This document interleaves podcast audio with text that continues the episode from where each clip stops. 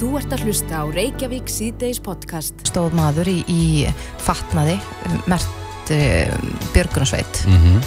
og spurði hvort það mætti nokkuð kíkja hans inn og, og þau var að leita að bakvörðum. Mm -hmm. Einhver mér var nú ekki alveg að, hún var svona smá tvístígandi yfir því hvort að þetta væri raunverulega Björgunarsveitamaður vegna þess að ég held að maður sé sennilega bara ekkert vanur því að fólk dingli hjá manni Já, og, og erum að fá okkur í heimsó Já. Já, en við fórum að svo stofuna og komst að því að Landsbjörg er svo sannarlega að leita að fleiri bakvörðum og er að koma og kíkja í kaffe til fólks Á línunni er Þór Þorsteinsson, formaður Slísavarnafélagsins Landsbjörgar eh, Sætlustu?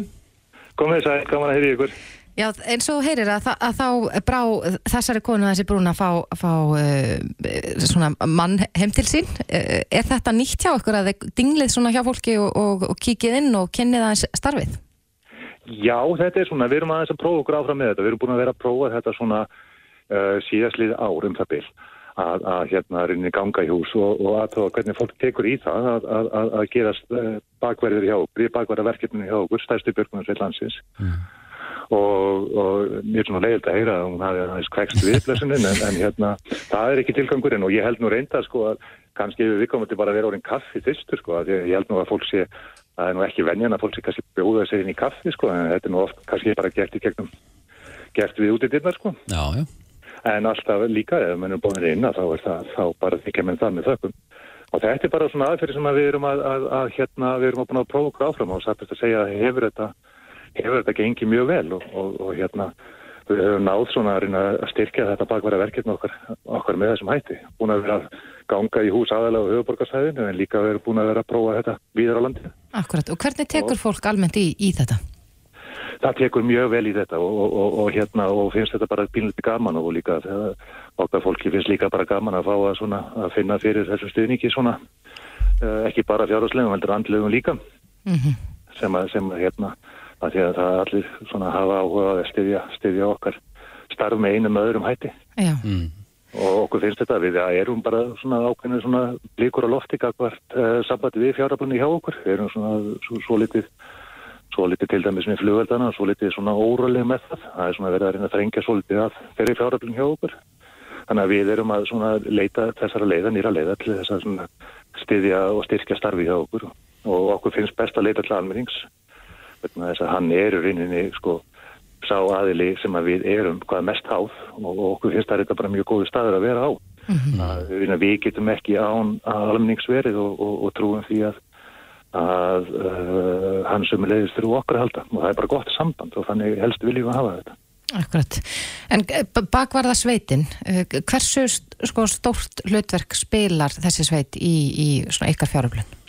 stærra og stærra og þetta er bara orðin rauninni bara ákveðin hluti á okkar fjáröfnum sem, að- sem að við bara getum rauninni ekki lengur verið án. Og þetta er þá bara með þeim hætti að fólk bara hefur auðvitað valið það hvort það vil taka þátt í, í þessu.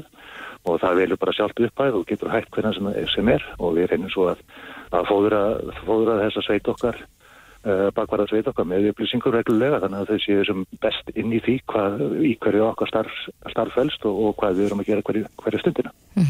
Við vitum að, að, björgunarsveitir eru að störfum allan ásins ring spiluðu auðvitað stóran hlut hérna í þegar eldgósið hófst. Já. stóði í ströngu þar. F- er ekki tímabæsta að, að já, fjármögnunu verði með öðrum hætti að ríki stýji meira inn í eða eitthvað slíkt Jú, sko, við reyndar, sko, þá erum við nú búin að segja það ofta tíðum að, að svona ríkisframlægi, það gæði mætti nú alveg tvefaldast, jafnvel þrefaldast á þess að við værum svona komin undir einhvern veginn, getur við sagt, sko, hælin á, á, á stjórnvöldum. En við hefum mjög gott samstarf uh, með stjórnvöldum sem er leiðis og, og, og þau styðja vel við okkur og við erum með samninga þar um sem að sem að það er ákveðinu hluti sem að við þurfum að uppfylla kakvað þeim samningi og, og, og hérna og sá samningur hefur alveg haldið vísitölu og, og kannski rétt rúmlega það en, en eins og það hefur verkefnunum okkar fjölka alveg gríðilega mikið okkar hlutverk í samfélaginu og í almanna vörnum í landinu það er bara rauninni vex og vex og, og túrismin bæði innlendur og ellendur túrismi uh, er auðvitað líka að hafa vel ofana fyrir okkur Akkurat. Við vitum að á veturna eru oft verkefni sem snúast uh, um veðrið og, og sko snjóinn og, og þung, þungt á vegum og annað slikt. En hver eru helstu verkefni ykkar svona yfir sumartíman? Já, það er svona svolítið hérna, það er nú oft svolítið tengt, túrismannum og, og, og, hérna það eru þá bæði leit og, og, og björgun á, upp, upp, á, upp á fjöllum og sem eru kannski bara fylgið fiskur þess að, að fólk eru svona meira að sinna og, og uh, taka þátt í útivist sem er mjög gott og bara líðhelsum mál og, og hérna það eru er stór hlutaðis og svo auðvitað eru það að keira verkefni eins og hálöndiskeslu uh, á trefnum stöðum á hálöndinu og sömulegis í skaftafelli. Það sem við erum að reyna að koma okkur upp á hálöndi og standa vakti það til þess að vera nynni með stýttir viðbrastíma þegar að aðeikin gerast. Mm. Það er kannski vitað ekkit margir að, að sko í heldina þá er þetta 12-1500 sko útkvall sem við erum að sinna ári. Mm. Er, er, er það mikið kvöldi? Já. Hvernig mannaðarvaktir er þetta þá á hálendinu? Er þetta, hversu margir aðelar? Já, þetta er allt frá því að vera 6 upp í 15 manna hópar sem eru viku í senn á hérna í Drega og við Öskju og, og í Nýjadal og, og landunlögum mm. og þetta er bara okkar fólk sem er bara að rauninni að, að rauninni bara nota hluta sínu sem að frí að, að, að vera Já. upp á Hollendinu þegar þegar að uh, verkefnin koma mm. Akkurat, og mig... veita, veita að reynir bara rákjöf líka og vera svona bara fólki innan handar með útrúlustu hluti Akkurat, við veitum að það er erfitt að komast á sömur staði á landinu inn í landmannalögar og, og inn í Þórsmörk og fleira, fleiri staði er, eru margir að svona kannski að ofmetna störlítið með bílana sína? Er þið með mörg þannig útkvöld? Það, það, það er alltaf uh, öðru kóru og bæði það kannski líka að að fólk uh, kann ekki almenna að keira við og, og trúi því að það er að taka það bara á ferðinni sko. Er, sem er nú ekki, ekki rétt aðferðin en við erum líka að rauninni að reyna að veita bara upplýsingun til fólk þannig að það lendir, við erum bara í forvarnastarfi og það er nú hluti okkar starfi og það eru slísavarnir mm -hmm. það er nú rauninni kannski kjarnin í, í okkar, okkar, hérna, okkar starfi því að þú getur rauninni ekki að einhverjum heilendum synd aukunastarfi nema að vera rauninni með slísavarnavingilin inn í því sem er liðis yeah. En þið eru þá að, að lappi húsið mitt núna og, og, og fólk ætti nú bara að vera jákvætt fyrir því og, og taka ykkur opnum örmum eða ekki? Jú, ég er bara að vona það og það er nú, það er nú, það er nú svona vennjan og það er, það eru þá kannski mögulega einhver, einhver atvik sem, að, sem hérna eru þá bara uh, undartækningi frá reglinni en, en, en við erum ákala þakklátt fyrir þann stöðning sem, sem að fólk sínur okkur. Og hérna og, og þetta er bara við, bara, við getum ekki verið að sinna þessu á sama, sama mátaði við ekki hefðum runni þennan stöðning frá almenningi. Það er bara kýrskipt Einmitt að, takk hjálpa fyrir Þóð Þorsteinsson formaður Slísavarnafélagsins landsbjörgar Gaman að heyra ykkur. Við fylgjum þér heim, Reykjavík síðdeis á bylgjunni. Þú ert að hlusta á Reykjavík síðdeis podcast. Reykjavík síðdeis á bylgjunni. Við ætlum að fara eins yfir eh, stöðuna á faraldrinum. Það, eh, já, eh, voru 38 innanlandsmitt í gær og mm -hmm. Töluna sína til dæmis að það voru 24 full bólusettir sem að smittuðust Akkurat, Þorlur Guðnarsson Sottvartanleiknir hann segir að, að það sé greinilegt að mikill vöxtur í fjölda smittara af kórnuverinu innanlands. Mm -hmm. og hann talar um nýja bylgu Um, við veitum að það voru kynntar í gerð aðgerðir á landamærum þar sem fólk þarf að skilja inn PCR-prófum þegar það kemur hinga til lands, bæði Íslandingar og erlendi ferðamenn. En uh, það má ekki gleyma því að, að þó að við höfum náð gríðlum árangur í bólusetningum að þá er ennþá þeir sem eru 16 ára yngri ekki bólusettir. En mitt og nú síðast eh, er já, einhverjir, einhverjir nefendur í, í leikskóla, Leifasborg, komnir í, í Sottkví. Akkurat. Í svona fyrri stegum faraldur sinns þá var nú talað um að, að það sé ekki þarf að börn þurfa að leggjast inn á spítala vegna veikinda tengtum COVID-19 en það spurning hvort að, að rannsóknum þar hafi sínt fram á eitthvað eitthvað, eitthvað frekar upplýsingar mm -hmm. um þetta en uh, á línun hjá okkur er Björn Rúnar Lúðvíksson, hann er professor í ónæmisfræði og yfirleiknir ónæmisleikninga á landsspítalunum. Kom til sæl Björn. Já, góðan daginn. Já, kannski við byrjum á því að huga eins að þessum óbólusetta hópi, það eru uh, börnin eða ungmenn undir 16 uh, aldri. Eru einhverja nýja rannsóknir á, á þessum aldurshópi? Já, það eru komna nokkuð góðar eh, niðurstöður eh, varðandi nótkun á bóluefnum fyrir sko 12 til 16 ára mm -hmm. og það er sína mjög góðan árangur og eh, nánast 100% vernd og Það hefur hins vegar eh, komið í ljós að það er hugsanlega sérstaklega í unglingum eða svona í, í aðeins eldri aldurspilunu í þessum hóp að þá hafa komið, verið að vísbendingar um að það geti verið mjög sjálfgælu aukaverkun e, af e, mRNA bóluefnunum varðandi bólgu í hjartavöðva um, sem er mjög, mjög sjálfgæft. Þannig að það er svona eitt af því sem að menna hafa haft aðeins vara ná með sér en annars er, er þessu bólefni talin vera mjög örug og hafa enn verið talin örug og hafa verið samþýtt núna bæði evrósku og bandarísku og kanadísku lífastofnunum fyrir þennan aldursóp þetta bólefni frá Pfizer. Þannig að, þannig að það er niðurstu loða góð síðan eru núna fyrir svona þrem vikun síðan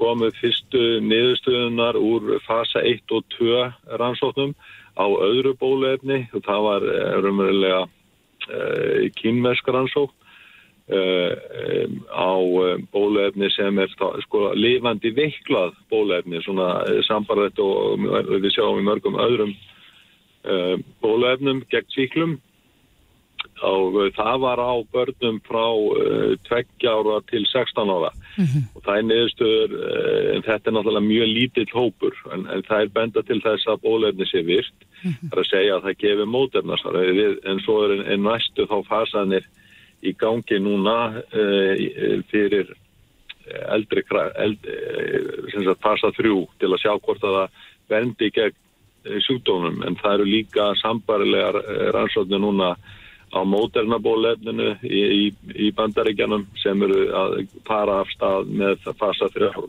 þrjú rannsóknir. Þannig að við vitum ekki ennþá um öryggi eða virkni bólefnana um, í þessum aldursóptar að segja frá sko tvekja til 12 ára og svo tala við um sko frá uh, kannski 6 mánuða til, til 24 mánuða. Mm -hmm. En það eru rannsóknir í gangi og við, en við verðum að býða svolítið eftir þeim nýðustum. Já. En þetta er náttúrulega kannski það sem að menn hafa verið að velta fyrir sig í þessu samengi er sko hvort eigum við að bólusita börnin og, og það var nýlega grein núna í British Medical Journal eða breska leknablaðinu þar sem voru svona aðtiklisu grein verðin þess að það eru, eru tveir aðeila sem eru þá bæði annars vera með og hins vegar á móti og rökin með því eru, eru þau að, að börn uh, sko þó að dánatínin er sannarlega lág mm -hmm. í börnum almennt að er núna búið að gera úttækt á öllum döðsvöllum til dæmis í mandaríkjunum meðal, meðal barna og þá verður þetta að vera 1-2 döðsvöll per miljón tilfella mm -hmm. þannig að það er, er tölverð læra heldur en hjá gullónum og þau, þau smittast uh, síður og, og fá síður alveglega sjúkdóma. En, en, en svo er þeir sem að, að menn hafa að beita, beita því sem rökum á móti þessu. En hins vegar hafa rökinn kannski með því eru þau að það er ákveðin hundrasluti sem að er að fá enkenni, langvarandi enkenni og, og helsubrest sko. Mm. og það hefur sést með, með annars hér á landi hjá börnum. Uh, og svo að hitta að að þau eh, eru þá hugsanlega ef þau eru óbólusett þá getur smittínin hægt, hægt og rólega að ferða aukast. Já. og svo, svo hafa menn líka verið að benda, benda á það að þetta delta afbríði að það smittar frekar börnin heldur en áður. Eh, heldur en hinn, hinn afbríðin þannig að, að hugsanlega mun, eh, munum við sjá núna það í, í úttektum á þessum faraldri sem er, er, hefur verið að geisa og, og, og nú erum við að sjá því miður þriðu eh, bylgjuna fara af stað. Akkurat. Hvernig metur þú stöðuna? Þú varst í, í kvöldfréttum stöðar 2 núna um daginn og, og þar talaður um að það væri nöðsynlegt fyrir stjórnvöld að grípa til aðgerða á landamærum og þessar, eða það voru aðgerið kynntar í gær sem taka gild eftir tæpa viku. Er þetta nægilega stórt skref að þínum að þið? Ég held að þetta sé ágæð skref uh, til að byrja með. Ég, ég hefði persónulega viljað sjá að, að einhverjar frekari takmarkanir á, á lókunum skemmtilstaða. Ég held að fólk missir svolítið uh, af sér beislið svona þegar að líða fyrir nóttina mm -hmm. og hætta að huga svona almennum uh, vörnum og, og skynnseminn hún svona vil aðeins missa tökinn þegar að líða að teka frá nóttina. Akkurat. Þannig að að ég hefði viljað sjá kannski aðeins meiri takmarkanir þar. Ég held að þetta sé eins og er gott fyrsta skref um, og svo verður við að sjá hvort að uh, þetta standist ekki sem alla niðurstöðu benda til að þeir sem eru bólusettir eru vendaðir gegn alveglugu formi sjúkdómsins og, og, uh, og döðsföll eru mjög hátíð með að bólusettra. Mm -hmm. Þannig að En, ég, en, en eins og það, það, það kemur ekki vekk fyrir það að fólk geti fengið veiruna í sig en kannski fái síður eða minni enkenni og það er nú megin tilgangur með bólusetningunum. Akkurat, erum við núna að sjá, er hann verið að reyna á hjarðónami, hvort að það hafi myndast nægilega gott hjarðónami hér innanlands? Nú fyrir við að, að það fer að reyna á það núna, já, við, og, og hvar hvar talan liggur. Við svona uppalega gerðum á þeirri því að þetta væri og það hefur almennt við talið í öðrum smittsútum að faraldrum að, að það þyrti svona um það byrj 70% að vera bólusetti til að, til að það myndi nást. Og við erum um það byrj þar ef við tökum alla hópa inn. Um, það er kannski skekkir myndina að, að ég held að hlutfall þeirra sem eru með skertar ónæmisvarnir sé hægt og rólega að, að aukast með tilkomu framfæri landisfræði að við erum náttúrulega að ná að halda fólki á, lífi uh, með alvarlegri sjúkdóma og sem hefur uh, og, og, og lækna en það situr eftir með kannski skertar ónæmisrættir. Mm -hmm. Þessi hóp, það er eiginlega þessi hópur sem ég hef kannski mestar áhugjör af og svo náttúrulega þessi óbólusettu börn og, og uh, konur á meðgöngu sem hafa ekki orðið útsettar. Já. Býstu við því að, að við munum halda áfram að sjá svona tölur eins og í dag, 38 greindust einanlands og þetta er nú ansi háar tölur sem við ekki sé í daggóðan tíma? Ég hugsa það, ég hugsa það halda, og, og muni öruglega aukast og, og, og nokkuð fram með Vestluna helgi mm -hmm. til að svona mesti e, skemmtana bransinn er, er, er að svona fara síga niður og út í skemmtana og annað nú er stóra, nú er Veslumannahelgi náttúrulega framöndan en maður hefur nú pínu á að gera því. Já. en fólk bara verður að vera skynsamt og, og sína varkvöldi Já, þú talar um að, að þú hefur vilja sjá gert á opnuna og skemmtustöðum tilur ástæði til þess að herða tökinn innanlands svona í ljósi þessa að það er mikið um fjölmennar samkomur, fram, samkomur framöndan Ég held að kannski byrja kannski með það að takmarka opnunatíman skemmtistöða og og það að fólk, svona brína fyrir fólki að sína skinnsemi og, og svo bara látu við reyna á það núna og bort að bó, þessi bólusetningar er það sem við gengjum með aðbröðum vel hér á landi og, og náttúrulega hilsugjastlæni við staðið sig ótrúlega vel. Þau þetta margar orður skilið fyrir það hvað þeir hefa gert þetta flott mm. og vel og, og þáttaka almennings verið gríðilega góð og maður er náttúrulega svakala ánaði með það Þannig að ég held að við verðum að, að sjá svona hvort að þetta haldi ekki og, og, og ég er björnsinn á að það, það, að það takist. Ég, ég er björnsinn á að við munum ekki sjá alveg form eiginda og tíðar sjúkurhúseinlagnir eins og við höfum séð í fyrir bylgjum. Ég, ég er algjörlega samfærið um það. Já. Næstu vikur munu eflust leiða það ljós Björn Rúnar Lúvíksson, professor í ónæmisfræði og yfirlæknir ónæmislækninga á landsbítalunum. Takk kærlega fyrir þetta. Takk sem leiðis. Hlustaðu hvena sem er á Reykjavík C-Days podcast. Já, Reykjavík C-Days á bylgjunni, þarna voru fréttir að klárast, uh, já, rétt rúmlega, fimm. Akkurat. En nú ætlum við að snú okkur aðeins að pólitíkinni, en það eru auðvitað kostningar í höst. Já, 25. september. Akkurat. Og það er, er alveg spurning, ég held að, eh, það er ekki endla bara mín skoðun, en, mm. en það er nokkuð ljóst að, að aðgerðir eh, stjórnvalda núna næstu vikur og mánuði munu líklega vera svona eitt af bitbennum í þessu. Klálega, við hefum séð það bara eins og í gær og Áslu Arna kom til okkar í gær. Eh, hún taldi ekki þörfa á þessum hertu COVID aðgjörum við landamærin. Mm -hmm. og Svandís talaði um það í, á Rúf í gær að hérna að, að, að maður fann svona fyrir að hérna, hún talaði svolítið beint út að, að eh, sjálfstæðismenn væri með evasemdir Akkurat Þannig að þetta er, já, eins og þú segir, bitbein, mögulega. Já, en hinga til okkar komin, eh, Baldur Þórhalsson, professor í stjórnmálufræði við Háskóla Íslands, kom til sæl. Komið sæl. Gaman að koma til ykkar. Tveir verið hérna með tveimur fyrirverðandi stjórnmálufræðinum. Já, já. Gaman að vera hérna sem stjórnmálufræðingur og taka viðtalið stjórnmálufræðing. Akkurat, ég titla mér nú ekki sem slíkan, ég er svona dropp átt í stjórnmálufræðinni, en... Er þetta ekki rétt hugsað hjá okkur? Er, er, er slagurinn? Já, það var eins og, eins og, eins og hann hefði byrjað, byrjað í gær mm. að eh, dómsmálaráþurann skoðið nokkur föstu skotum að samstagsflokknum, eh, herbilsráþurannum og, og síðan fósettisráþurannum líka mm -hmm.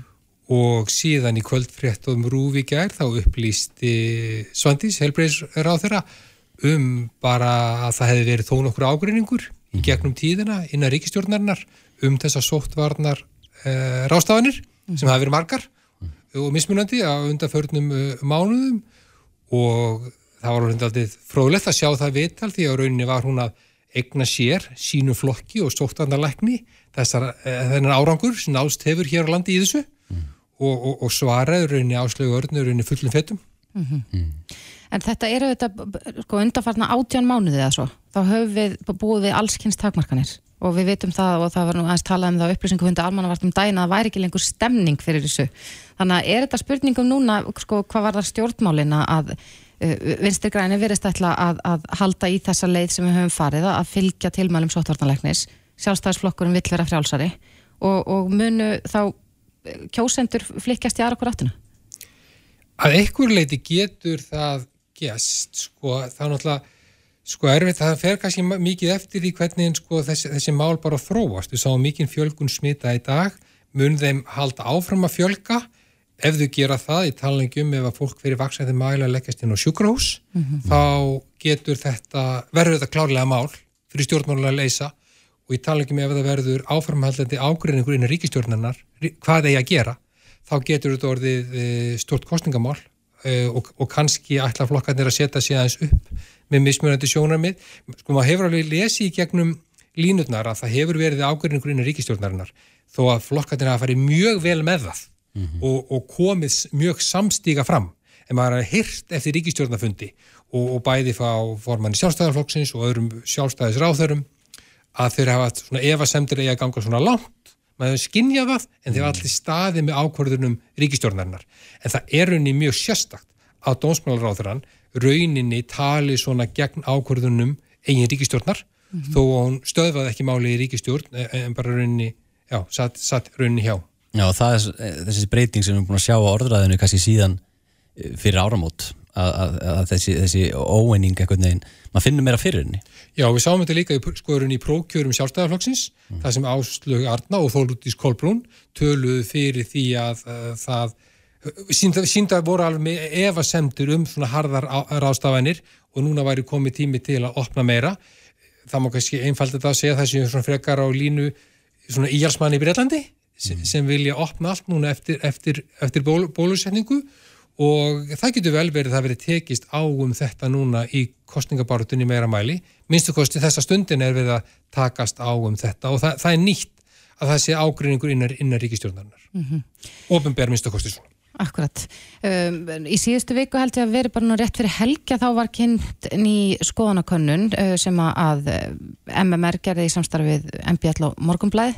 Er, er á snemt að vera að skoða niðurstöður í slíkum skoðanakönnunum? Varandi bara hvernig landi liggur fyrir kostningar? Nei, það er það, er það nú ekki sko því að við sjáum alltaf ákveðina svona þróun í þessu sko eftir sem áður hefur ríkistjórnin nokkuð uh, gott fylgi, ég maður rétt bara 55% sem segja stiðjana en flokkana sem standa að ríkistjórnin stiði ekki með 48% mm -hmm. aftur á ríkistjórnina eiga ríkistjórnaflokkatir aðeins inni?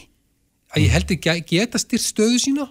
Eins og, eins og þessi könnun, könnun sínir vinsti grænur að þetta er lágu í þessari könnun ekki nefnir réttur umlega 10% þegar það mælast betur í öðrum könnunum. Mm -hmm ríkistjórnin er á nippunu að ná meiru hluta þetta getur orðið mjög spennandi kostningar e, engum og, og, og þá skiptir mest að spennandi kringu það mun ríkistjórnin halda vellið ekki mm. því að ég til alla líkur á því að ríkistjórnin muni setja áfram ef hún nær, heldur meiru hluta þingi mm -hmm. því að ef hún gerir það ekki þá e, verður rauninni mjög erfitt að mynda ríkistjórn og ómögulegt að segja hvað ríkistjórn kemur það upp úr kjörgóðsunum ef maður orðaða þannig og stóra spurningin er þá líka hvort að þessi litlu flokkar ná yfir hennar 5% tröskuld mm -hmm. sem þurfa ná 5% fylgi til þess að fá þingmann kjörna. Yfirleitt er það þannig.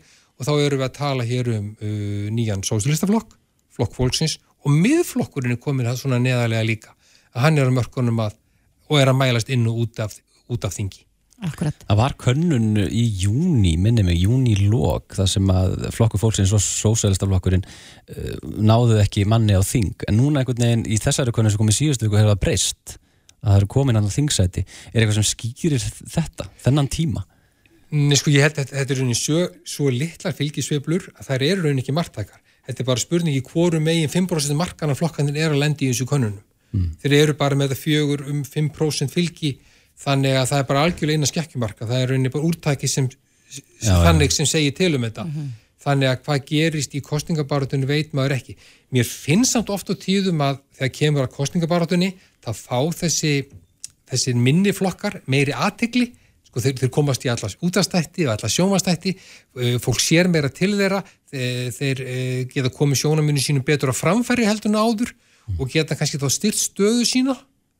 Og, og svo náttúrulega eru flokkar en þá að eiga eftir að still, stilla upp á lista og við höfum til að sjá frambóðslista eins og miðflokkurinn er að, er að koma með e, lista með ungu nýju fólki og meðal annars konur sér, sérmaður sko og flokkur fólksins á líklega eftir að koma með eitthvað lista þann, þann, og, og sósélistaflokkurinn þannig að e, þeir eru alltaf óskrifa blað e, og, og hvað þeir gera í kostningabarátunni En til að mynda eins og þessi könnun, er, er, er einhver svona sjáanlegur sigur vegari samkvæmt könnunni? Nei, það eru raunin allir að tapa. Já, það bara sko, ég sko, sko þannig lagað sko, þannig lagað sko e, framsóknarflokkurinn hefur aðeins verið að styrkja stöðu sína undanförnum mánuðum í konunum er að mælast aðeins með meira fylgi heldur en fekk síðustu kostningum en það var skelvil útkoma hjá flokkunum fyrir, fyrir fjórum árum. Uh, en stjórnarflokkarnir eru að ekkert að koma sérstaklega vel út. Stjórnan anstöðu flokkarnir á þingi þetta er, þetta er alls ekki góð útkoma fyrir stjórnan anstöðu flokka. Það, er ekki að seg, seg, seg, það er ekki að segja það.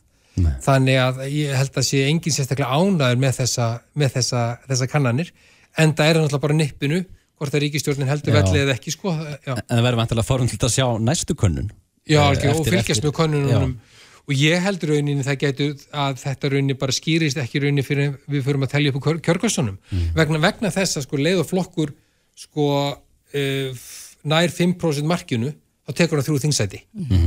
Og e- ef það fellur undir það þá fá aðrir flokkar þrjú þingsæti. Þannig það skiptir svo miklu málu við erum talað um þrjá flokka. Sem geta lent unnið út af þingi þá erum við talað um nýju þingsæti. Þannig að, en þetta er náttúrulega þessi könnunni aðrillisverð að hún sýnir fyrsta skipti hvað það eru nýju flokkar inn, sem gæti ná mönnum inn á þing Já. og það gæti vel orðið niðurstaðan 25. 5. september Það var líka áhugavert um daginn, þá var, var uh, skoðanakönnun gerð uh, maskinu um, sem var kynnt hérna fyrir tíu dögum síðan eða svo og þá kom fram að, rúm 70% kjósenda vinstri grætna eru mótfallin áframhaldandi ríkistjórnarsamstarfi vinstri grætna. Er, það er svona einhver átök innan uh, þess flokks. Við sjáum að, að, fórsættisráð þeirra er, er auðvitað vinstri græn. Er þetta eitthvað sem að, mun skipta miklu máli í kostningurum að, að, að, verið sem að, vinstri grænir stiði ekki áframhaldandi ríkistjórn? það er, þetta, þetta er góð spurning. Eh, sko, það fer aðeins eftir því hvort að stjórna aðstæðan og vinstirflokkarnir einhverjum samfélgingin nær að nýta sér þetta. Vegna þess að það er finnst mér augljóst að málflutningi formas vinstigrætna og fórsættisráðura og helbreyðisráðura flokksins að þær vilja rauninni halda þessu stjórnarsamstöru áfram. Þeim finnst það að gengi vel. Það er ekki að lesa málflutningu þeirra öðruvísi en þannig að eh, ef að þessi flokkar, ríkisundaflokkanir, ná meira hlut á þingi, þá verður það þeirra fyrsta val að eh, hef, hefja viðræður um myndum áframalliti ríkistjórnar. Það, það, er, það er ekki sjálfgefin útkoma þó flokkarnir ná, ná meira hluta en það er ekkert að skilja málflutningu þeirra öðruvísi en grasrótin kannski sko eða kjósendur flokksins eru á öðru máli. En ég er ekki endilega vissum sko að fórustu sveitin séu á öðru máli. Nei. því að e, þetta stjórnarsamstarf hefur e, blessast alveg ágætlega fyrir, fyrir flokkan þó sé ágörningur uppi núna þessa dagana. Og menn er svona aðeins að svona brína, brína klarnar mm -hmm. aðdraðanda ko- kosningana þannig að það er ekkert því að það er, það verður mjög erfitt fyrir alla flokkar líka af afgi að fara að mynda hérna fjagra eða fimm flokkar ríkistjórn ég, ég er alveg Er samfærið fordæmi fyrir því?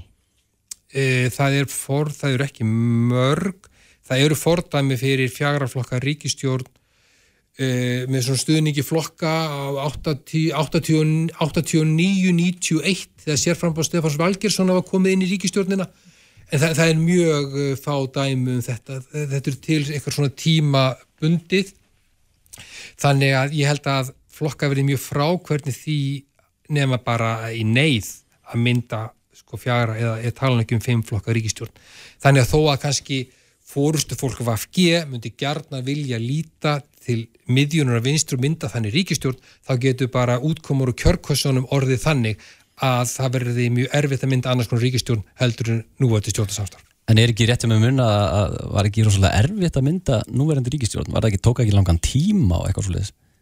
Jú, það, þetta var náttúrulega gríðarlega stórt skrif og kannski einn gott og nefnir þetta að mennir er farin að gleyma því. Já. að þetta er náttúrulega í fyrsta skipti sem Vafki og sjálfstæðarflokkur mynda ríkistjórn eða henni íslenski sósílistaflokkur mynda ríkistjórn með sjálfstæðarflokki frá því rétt bara eftir síðari heimstyrjöldina þannig að þetta var mjög stjórt skref fyrir báðaflokkana, sérstaklega fyrir Vafki og það þurftur unni tvenna kostninga til Já, alveg rétt, já. Já, mm -hmm. tvenna kostningar til en það verður ekki svona erfitt fyrir það að ná samanæst Nei, nei, það verður það ekki það er smá reynsla. já, já, já, já. Já, það eru auglustlega mjög spennandi tímar framöndan. Við munum eflaust fá þig enga aftur uh, Baldur Þórólsson, professor í stjórnmálafræði við Háskóli Íslands. Takk kærlega fyrir komuna. Takk ykkur Reykjavík síðdeis á bylgjunni. Reykjavík sýttis á bylgjunni, já, veðrið hefur sannarlega leikið við íbúa og ferðamenn uh, á Östfjörðum, ekki satt? Jú, það er bara búið að vera bongo. Já, já, já. Eila svo vikum skiptir. já. Svakalega hittatölur og, og bara geggja veður, sólalanda veður. En fylgifiskur þess er til dæmis að, að ég var að sjá það í fréttum í vikunni að, að það var til dæmis pulsuskortur Já, einmitt. og bæði pulsur, pulsubröð og allt, allt svona meðlæti, remulaði og annað. það bara hreinlega er ekki til í búðum eða var ekki og svo er bara erfitt að fá gistingu, tjaldstæðin eru upp bókuð Einmitt og fyrir helgi reyndi ég að bóka mig flug, það reyndi svolítið erfitt. já, voru ekki sama saga með bíllegubíl Jú, bara, bara, ég finn ekki bílalegu bíl, Nei, þannig ég er auðvitað að fara. en það eru franskir dagar á fáskrúsfyrði um helgina þannig að það er eflaust líka margir að fara á þessa skemmtilega hátíð og línu hjá okkur er Þóruður Vilberg Guðmundsson, hann er upplýsingafulltrúi fjárðabeðar, kom til sæl Já, sælubræsir. Já, já, það, það er eins og við segjum, eins og heyrir okkur segja, það var búið að vera mikil ferðamanna ströymur austur. Uh, Er, er þetta miklu meira en þeir eru vön? Já, þetta er, þetta er umtalsvægt meira en við höfum átt að vennjast undanfærin ára allavega.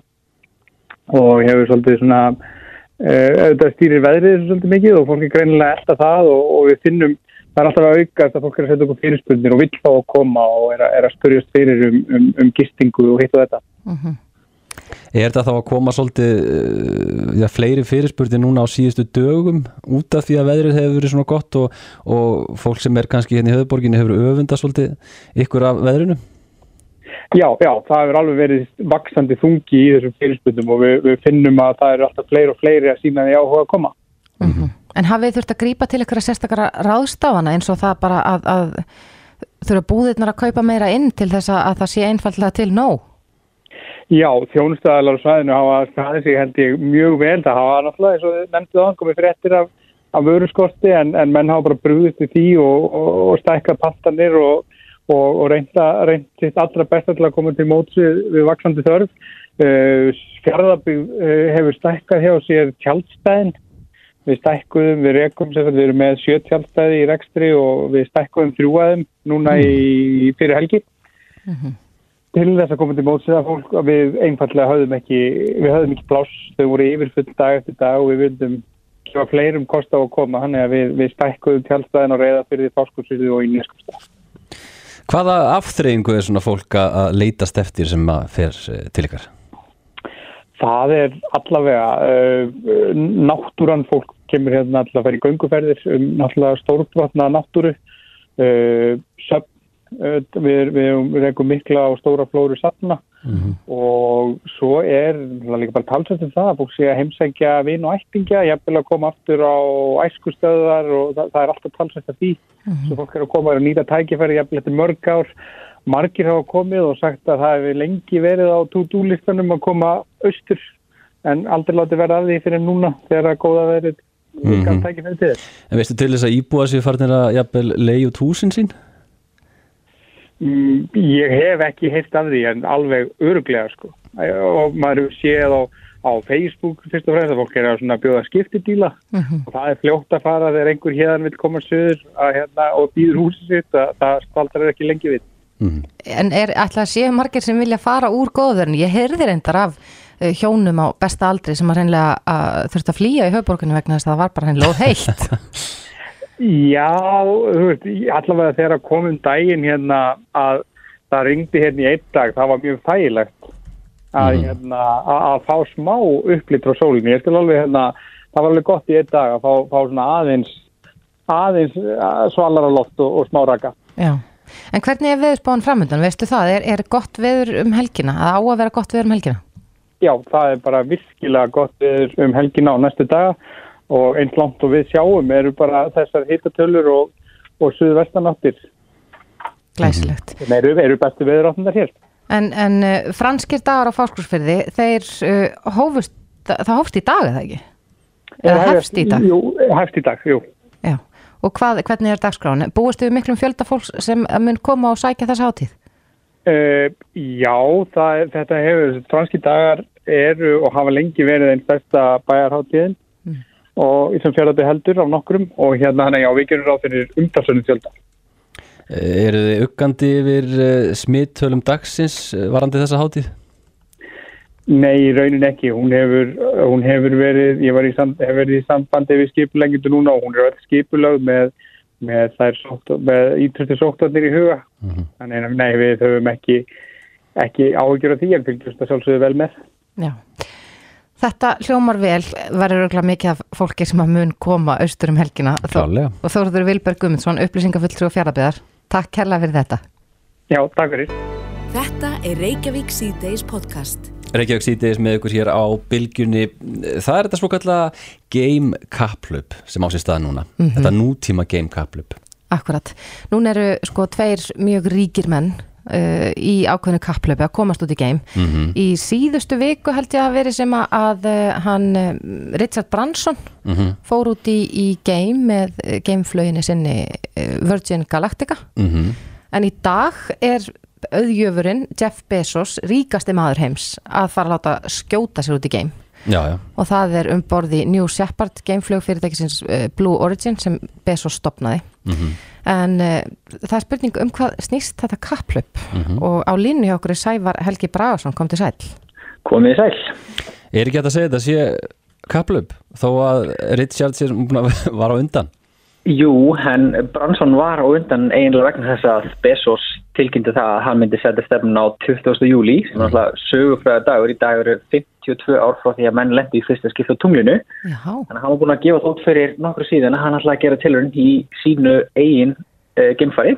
Komast rétt út fyrir jaðar geimsins og það tókst í dag og var þar í för líka bróður hans. Og svo merkileg kona sem var eina af þeim sem var komið til greina til að verða fyrsta bandaríska konan til þess að fara í geimferð sem reynda var ekkert úr síðan og svo yngsti uh, geimfæri sögurnar sem er hollenskur uh, 18 ára ung, ungu maður mm. akkurat en hvers vegna er þetta gerast núna? Er, eru geimferðir komnar á þann staða að fólk er farið að nánast að geta borgað sig út í geim?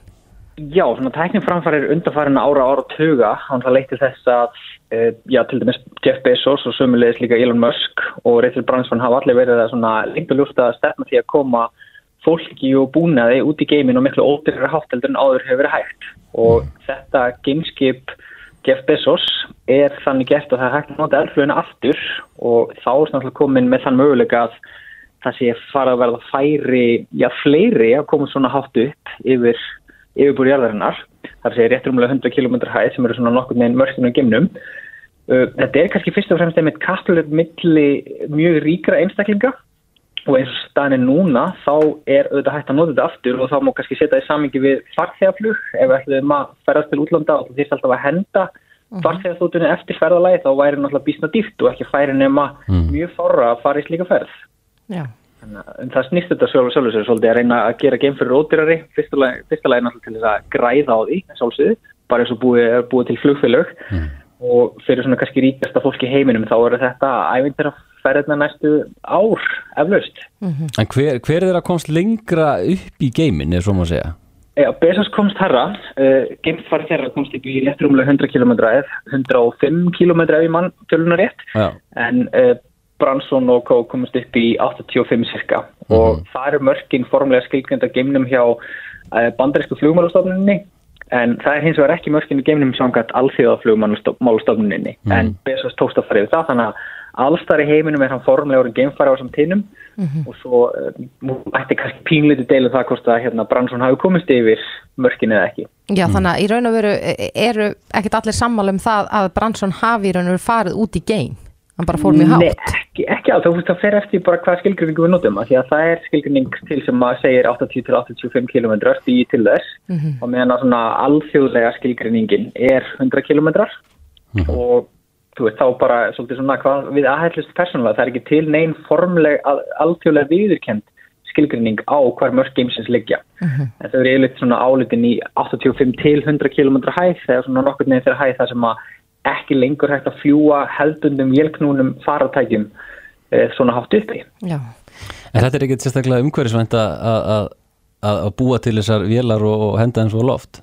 Það er alveg horrið, en það reyndar hérna, eina góða við þetta, það er hægt að nota eldsveðan aftur og aftur, en eldsneiti, jú, það losa gróðurúsloftundir og ég man nú ekki töluna fyrir uh, Bezos gameskipið, en og ég veit að það er meira þegar kröftir úr flögu, hún fer alla, byrjar allavega niður á jörðinni, Mm. en í tilviki til dæmis uh, hérna Bransson, að þá er kólminsbóri cirka 30 tonn og eina ferð og það er svona eins og tveir Íslendingar, árlega losun tvekki Íslendinga, já, losun tvekki Íslendinga ári. Áverð. En uh, þú talar um tækni framfari, eru, sko, ég bara velti fyrir mér tilganginum, eru við einhvern tíman að, að fara að geta bara farið til tunglsins í, í sumarfrí?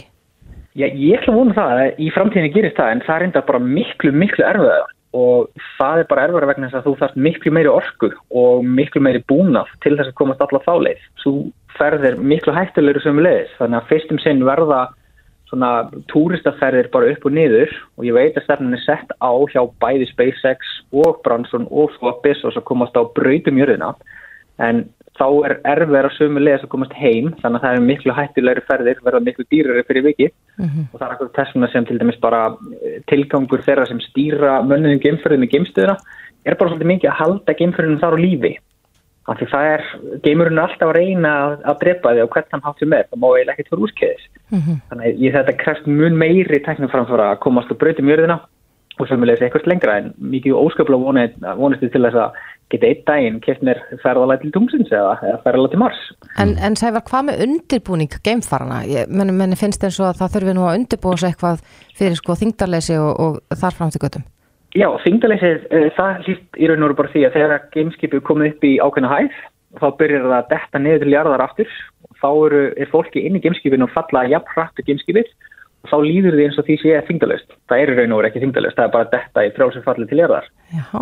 Uh, og, svo, og það sama gerist náttúrulega þegar þú komin á sporbreyt, þá er bara jörðin sem sveigir undan fótinn þegar jafn hratt og þú dettur í kringum hana. Þá ertu alltaf svona eins og þessi svífandi. Eh, til þess að koma síðan svo í lengri ferðina þá þarfstu bara að fara í gegnum miklu meiri þjálfun. Og það getur tekið mánuða ár fyrir svona alþjóðlega geimfara sem að til dæmis fara í geimstöðina og ennþá lengra. Þannig að þetta er ekkit svona maður, maður stekkur ekkert út í geiminn með örstuttum fyrirvara, maður þarf að vera við góða heilsu þar. Nei, þannig að þú getur ekkert ekki skyndi ákvörðun um að kaupa þess líka ferð. allavega ekki sem sækir standa núna vegna þess að þetta er áláð líkamann. Það er fyrstulega áláð meðan að geimskotinu stendur. Og þú finnur fyrir ákveðinu hröðin og sömulegist þegar þú varst að leiðin heim þá finnur líka fyrir hröðin. Og svo er smá svona skellur þegar þú fellur og snertir yfirborðjarðarinnar aftur. Það er ekkert samt svona til þess að hafa miklar áhyggjur af. En, en fólk þar sem sem maður að undirbúa sig fyrir akkurat þetta sem að veldur áláð líkamann eins og öll þessi G sem geimfórnir upp, upplifa. Já. En má segja, miða við fréttir dagsins, eh, Já. var Jeff Bezos að- að vinna þetta kapplöp og hann komst lengra eða hvað? Uh, já, það fer bara svo sem eftir hvernig við lítum á það. Uh, hann alltaf komst herra sem er býst með gott en það má líka alveg segja að Branson hafi náð mörgum geimsins hefði aðhyllumst á skilgrinningu þannig að hérna, er þetta ekki bara jafntefli? Nokkur neginn? Jú, jú, ég... ég Við getum alveg verið Já, já, já. Já, Sammála um Er það ekki bara stóri dómurinn?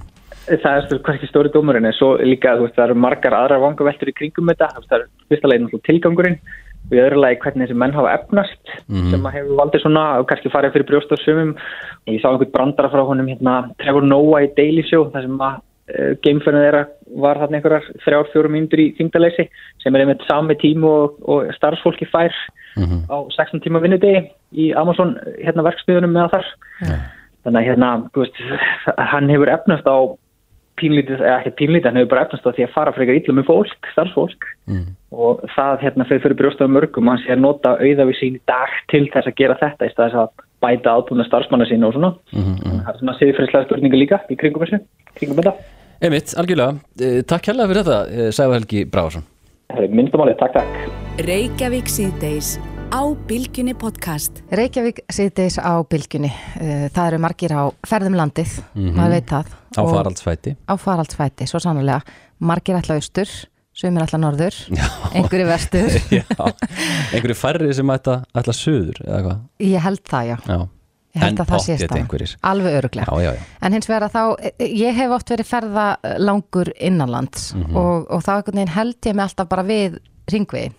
Já. Ég er ekkert mjög mikið eitthvað svona að flippa og keirin eitthvað aðeins minni vegi út. Ég veit ekkert almennilega hvað ég ætti að fara að skoða. Ertu þá að fara bara gullnarringin og eitthvað bara í sjöndaskiptið? Nei, nei, ég er kannski að meina ef ég er að keira austur Já. til dæmis með frá söður ströndinni að þá stoppa ég kannski Sellandsfossi og svo þarna Mhm. Skóafossi og Og ertu ekki að fara að mala vegina? Nei, Nei. lítið, en, en það veit ég ekkert alveg hvað ég á að skoða.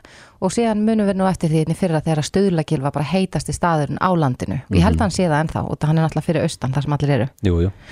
en það er spurning hvort það sé einhver svona einhver trend ef ég má sletta eins í, í ferðamanna innæðinum hérna innanlands og hvaða staðir eru svona vinsalastir og til okkar er komin Elva Dögg Ragnarsdóttir sölustjóri hjá ferða eiginu, komdu sæl Já, sæl. Er það ekki bara fyrsta spurning, hver er heitasti staðurinn? Um, við hefum nú séð að Íslandingar eru aðlega bara elda góðu veðrið Mhm. og því er Austurlandi mjög vinsælt en líka Norrlandi. Ég sá til dæmis senstælgi og mjög vinsælt að heimsækja stjórnarfoss hjá Kirkjubæklustri. Það er greinlega mjög mikið í tísku. Já, ég verða viðkynna það að ég merti þennan stað hjá mér í gær vegna þess að ég sá einhvern á Instagram vera að hoppa svona uh, ofan í vatnið. Já, algjörlega. Áhrifakjöld? Já. Svo náttúrulega er fólk fyrir austan að mjög vinsælt að heimsækja vögbaðs. Mhm. Það er bara búið að vera brjála að gera á þeim, veit ég. Og ef það er að fara norður að kíkja þá í kannski bjórbuðin eða á hérna hauganes í potana hann við strandina þar. Mhm. En svo er kannski svona minnafarnir staðir, þá getur þú farið í göngu til dæmis í skaftafelli að skoða svartafoss. Mjög skemmtileg ganga. Eða kíkt á Aldegarfoss sem er á Sprengisandsleið fyrir norðan. Það er svona aðeins úr leið en mjög vinsall staður fyrir Íslendingar að skoða. Er einhver svona eitt staður sem er svona eh, Instagram vænastur og, og þar sem allir eru einhvern veginn eins og stuðleikir var í fyrra? Mér finnst það ekki vera jafn ábyrjandi í dag en uh, mér finnst þessi sýstrafás hann er búin að vera svolítið ábyrjandi á samfélagsmeðlum Mhm. finnst mér og vögbaðs finnst mér vera mjög ábyrjandi á samfélagsmeðlum Já. Sést þessi sýstrafoss frá þjóðveginum eða? Ég er ekki 100% viss að því það, það er kannski líklegt að, svona fólk sé, sér einhvern foss og, og, og eldir hann uppi? Já, en ég held samt reyndar líka að, að eins og bara við hugsum og eins og ég hugsa að, að þá er þetta oft þannig að maður sér það sem aðrir eru að gera og já, já, eftir já, já, já, já. Það, Það, já, það er svolítið sem maður gerir sko. Já, Þannig að maður, maður öfundar rosalega mikið núna fólk sem er á östfjörunum í góða verinu að gera eitthvað óbúslega skemmtilegt. Og maður situr hérna í stúdíónu nei, svo sé sæðilegt nei, nei, við erum alveg góð hérna. Já. En, já, en uh, þetta eru, þú, við, eins og ég var að tala um, það er svona ringvegurinn og fólk heldur sér oft svolítið við hann. E eru mikið af, af ferðamannastöðum þar sem að, að eh, eins og talar um eins og í skaftafelli? mm Já, algjörlega. Svo náttúrulega er rosalega vinsalt að alltaf að fara inn í Þórsmörk til dæmis og labba fimmurháls. Mhm. Það er nú ekki kannski fyrir alla þar sem þetta er alveg smá ströng ganga og náttúrulega ef þú ætlar að keira inn í Þórsmörk þá er það ekki fyrir vennilegan bíl að fara. Nei. Þannig að fólk er alveg að kaupa sér ferði til að fara að gera það. Mm En þið eruðu að, að já, miðla, þið hjá ferðægjunni, miðla gististöðum og öðru slíku. Eh, Hvernig hefur s- sá bransi verið? Við vitum að það er nánast uppbókað eiginlega allan hringin, kannski ekki hérna á höfuborgsvæðinu. Já, um, það hefur verið svona mikill áhugi á ferðaðinu, ferðaðinu er náttúrulega frekar nýtt fyrirtæki en það er að koma bókunni í gegnum bókunni velun okkar og við hefum svona líka bara verið að hjálpa fólki sem þið fá bara skila á Facebook eitthvað meðantagistingu þarna við erum svona mörg og þá kannski svona skoðum við þetta fyrir og bendum þeim frekar ágistinguna heldur en þeir sé að bóka í gegnum okkur en það er náttúrulega bara brjála að gera öllum gististöðum eftir að túrismin fór aftur í gang og bara gengur mjög vel í ferðamannabransanum í dag. En þið stíliðin á svolítið íslenska ferðamenn og eru það að reyna að bjóða uh, Íslendingum betri kjör?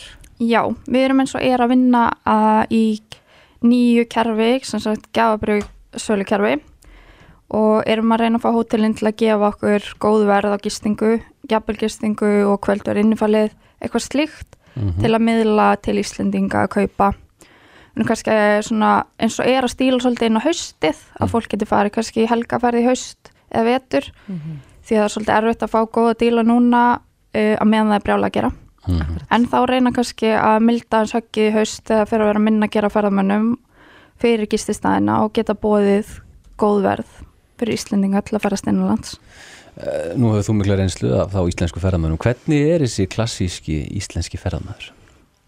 það er rætt að segja, ég er svo sem þarf ekki að hitta þá sjálf sko Nei, nei. en ég, ég kannski ekki alveg uh, sammála því hvað hann er illa uppmálaður Já, í fjölmjölum oft Já, já. Nei.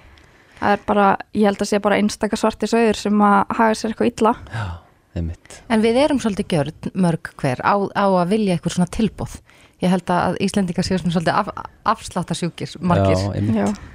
Og, og þess vegna lítur þetta að ganga vel að, að vita það að maður getur fengið betri kjör á gistingu með því að bók gegnum ykkur heldur en að, að já, farin á þessar starri bókuna síður sem maður þekkir. Já, algjörlega. Stefnan er náttúrulega bara að fara í, í algjörða samkeppni við starri erlendar bókunar síður og láta Íslendinga allavega hætta að bóka gegnum þær því að þetta eru bara tekjur sem eru að fara á landi þegar þú ert að bóka gegnum aðrar þessar erlendur síður Mhm.